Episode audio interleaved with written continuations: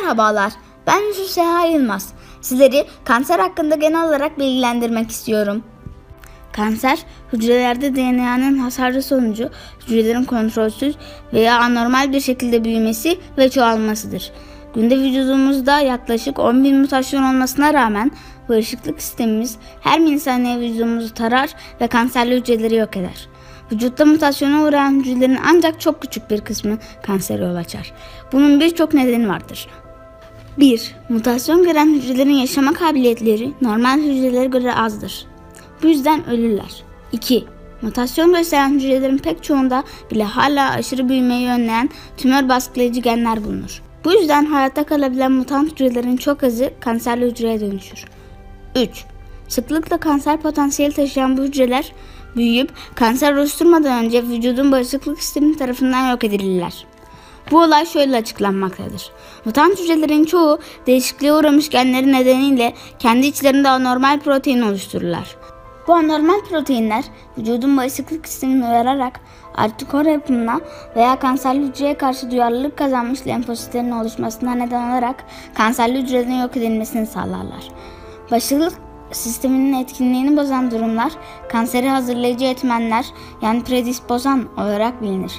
Bağışıklık sistemi tarafından yok edilmemiş olan bu hücreler kontrolsüz biçimde üreyerek bulundukları dokuyu işgal ederler. Sadece o dokuya sınırlı kalmayıp komşu dokulara da yayılırlar. Kan ve lenf dolaşımı yoluyla vücudun ilgisiz bölgelerine de taşınabilirler. Kanserler iyi huylu ve kötü huylu olmak üzere iki kısma ayrılırlar. İyi huylu tümörler genellikle sınırları belirgin kitlelerdir. Ancak kötü huylu tümörler kontrolsüz olarak büyüdükleri gibi sınırları belirsiz ve çevre dokuya sıkıca yapışık halde bulunurlar. İlk evrelerde genellikle ağrısızdırlar. Kanser oluştuğu dokuya göre adlandırılır. Kanser hücreleri civarındaki dokulara ulaşarak kan dolaşımı, lenf sistemi ya da vücut, vücut boşlukları ve yüzeyleri yollarıyla vücudun diğer taraflarına yayılırlar. Buna metastaz denir. Kanser önemi giderek artan sağlık ve yaşam sorunu durumundadır. Ölüm nedeni olarak kalp ve damar hastalıklarının hemen ardından gelmektedir. Batı toplumlarında her yıl 250-350 kişiden biri kansere tutulmaktadır. 60 yaşın üstündeki grupta ise kanser sıklığı çok artmakta, 300 kişide 4-5 civarına yükselmektedir. Peki kanserin çeşitleri nelerdir? Onları da şöyle sıralayabiliriz.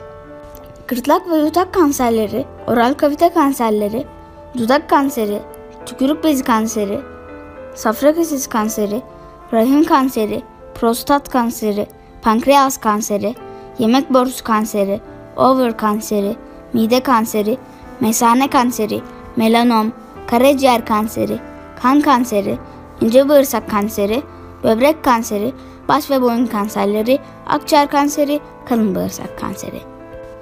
Yurdumuzda en sık görülen kanserler erkeklerde akciğer, prostat, kalın bağırsak, rektum, mide ve pankreas. Kadınlarda meme, akciğer, kalın bağırsak, rektum, yumurtalık, mide ve pankreas kanserleri olarak sıralanabilir.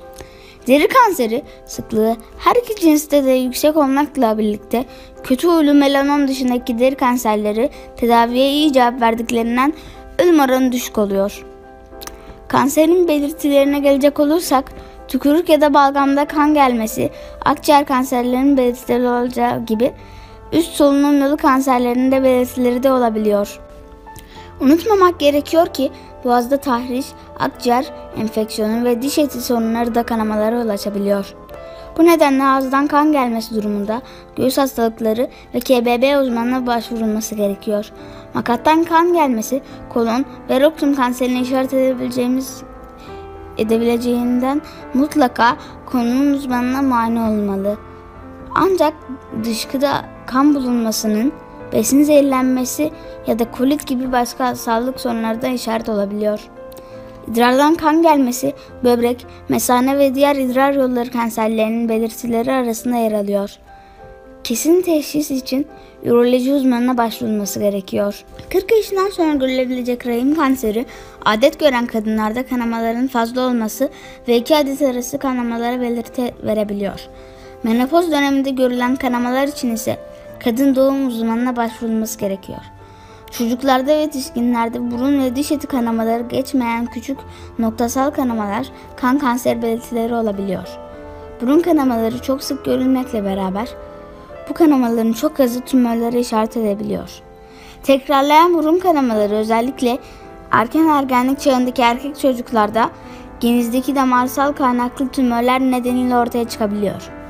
Yine erişkin hastalarda tek taraflı tekrarlayan burun kanamaları burun veya sinüs kaynaklı tümörlerin habercisi olabiliyor.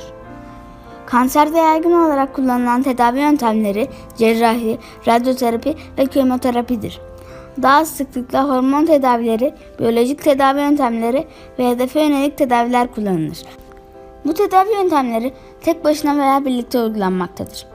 Pek çok deneysel tedavi yöntemi klinik çalışmalara test edilmektedir. Kanser tedavisi giderek daha çok özel uzmanlık gerektirir hale gelmektedir. Tedavi genellikle medikal onkoloji uzmanı tarafından yönlendirilen bir ekiple yürütülmektedir. Tedaviye başlamadan önce tedavinin hedeflerini, ne kadar süreceğini ve potansiyel yan etkenlerini bilmek isteyeceksiniz. Kanser tedavisinde önemli bir nokta hastalar ve hasta yakınlarının doktorları ve onların önerdikleri tedavi konusunda kendilerini rahat hissedilmelidir. Kanserde belki tedaviden daha önemli olan husus kanserin önlenmesidir. Önlemde kanser yapıcı maddelerden uzak durmak, temiz veya sağlıklı yaşamak ve uygun bir diyet uygulamak gibi hususlara uyulması kanser sıklığını rahatça yarıya indirebilir. Gelecekte kimyasal maddelerle kanseri önlemek de yararlı olabilecektir. Günümüzde milyonlarca insan kanserli ya da kanseri tedavi edilmiş olarak yaşamaktadır.